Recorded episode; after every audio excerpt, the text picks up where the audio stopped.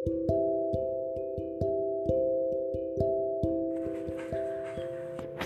really miss school, the class atmosphere when learning to work